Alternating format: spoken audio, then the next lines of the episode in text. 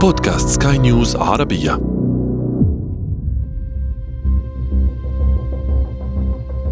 Here at Lacuna, we have perfected a safe, effective technique for the focused erasure of troubling memories. In a matter of hours, our patented non surgical procedure will rid you of painful memories and allow you a new and lasting peace of mind you'd never imagined possible. Is there any risk of brain damage?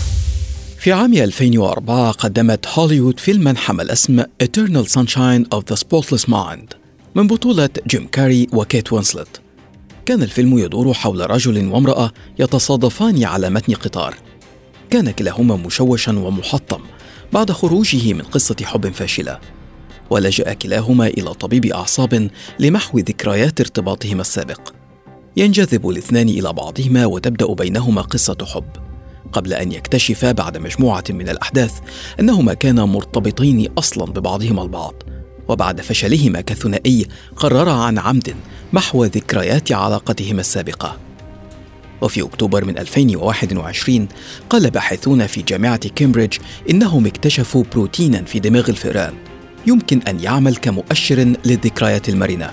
بعبارة أخرى يمكن من خلاله تحديد الذكريات. التي يمكن محوها من الدماغ وتلك العالقة لأي سبب هل يمكن أن يتحقق ما تنبأت به هوليوود ويتحول ما قدم على أنه خيال علمي إلى واقع؟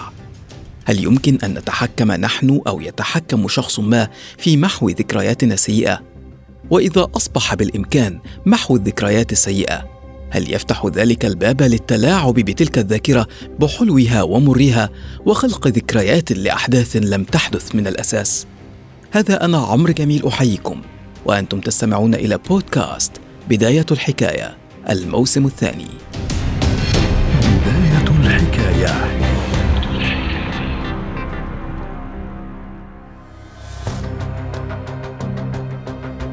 في عام 2014 نشرت مجلة نيتشر العلمية المرموقة ورقة بحثية. كان العلماء يحاولون فيها تقديم إجابات حول عمل الذاكرة في الدماغ. بالنسبة إلينا تمثل الذكريات مجموعة من المشاهدات أو التجارب أو المشاعر أو حتى الروائح التي نختبرها في مواقف معينة فتحتفظ بها ذاكرتنا. ولكن بالنسبة للعلماء فالذاكرة أمر شديد التعقيد. يقولون إنها توجد في منطقة من الدماغ تسمى الحصين وهي المنطقة التي تخزن المعلومات. لكن المشاعر المرتبطة بهذه المعلومات فهي مبعثرة في الدماغ من القشر الحركي والحسي والسمعي وهكذا. يحاولون تفسير تلك المشاعر على أنها عبارة عن نبضات كهربائية تنتقل من عصب إلى آخر. تحدث في الدماغ تغييرات كيميائية وفيزيائية. تمكن هذه التغييرات الدماغ من معالجة المعلومات واسترجاعها وبالتالي التأثير على أفعالنا المستقبلية. فهي التي تتيح لنا تطوير اللغة والهوية الشخصية والعلاقات مع الآخرين وتمنحنا شخصيتنا التي نحن عليها. بالتالي كان الاعتقاد السائد هو أن هذه الذكريات لا يمكن تعديلها أو محوها. لكن في عام 2014 نشرت مجلة نيتشر ورقة بحثية تمت بناء على تجربة أجراها عالم الأعصاب الشابان ستيف راميريس وتشو ليو على الفئران. تم وضع فأر في صندوق معين وتعريضه لنبضات كهربائية خفيفة مصاحبة لضوء من الليزر وكان الفأر يتجمد في مكانه من الخوف. تم نقل الفأر فيما بعد إلى صندوق مختلف في الشكل. وبما أن الفئران فضولية كان الفأر يتحرك باستمرار للتعرف على بيئته الجديدة. ثم تم تعريض الفأر لضوء الليزر من دون تعريضه لنبضات كهربائية. كانت المفاجأة أن الفأر أبدى نفس مشاعر الخوف التي أبداها عند التعرض للصعق. استرجع الفأر ذاكرة الخوف برغم من كونه في بيئة مختلفة عن البيئة التي تعرض فيها للألم في المرة الأولى لوجود رابط هو ضوء الليزر. كانت تلك التجربة ضمن سلسلة تجارب تعمل على محاولة فهم كيف تعمل الذاكرة وما هي الخلايا التي تتحكم بها في الدماغ. وهل يمكن التحكم في تلك الخلايا؟ وبالتالي التحكم فيما تتحكم به هذه الخلايا بعدها وفي عام 2012 نجح عالم ياباني يدعى سوسومو تونيغاوا يعمل في معهد ماساتشوستس للتكنولوجيا بنيوجيرسي ومعهد ريكن بطوكيو مع فريق من المتخصصين نجحوا في تعديل ذاكرة فئران مستخدمين ما يعرف بعلم البصريات الوراثي. نجحوا في زراعة ما عرف بذاكرة خاطئة في دماغ الفئران. وبعدها بعام واحد قال الفريق إنه ليس بالإمكان. زرع ذكريات خاطئة فحسب في دماغ الفئران.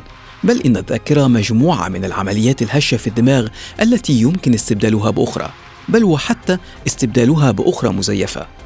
وإن تلك الزائفة تفعل نفس المناطق العصبية في المخ بنفس قدر الذكريات الحقيقية. قدمت هوليوود أفلاما في هذا الاتجاه كفيلم Total Recall و Inception I specialize in a very specific type of security subconscious security. We create the world of the dream. We bring the subject into that dream, and they fill it with their secrets.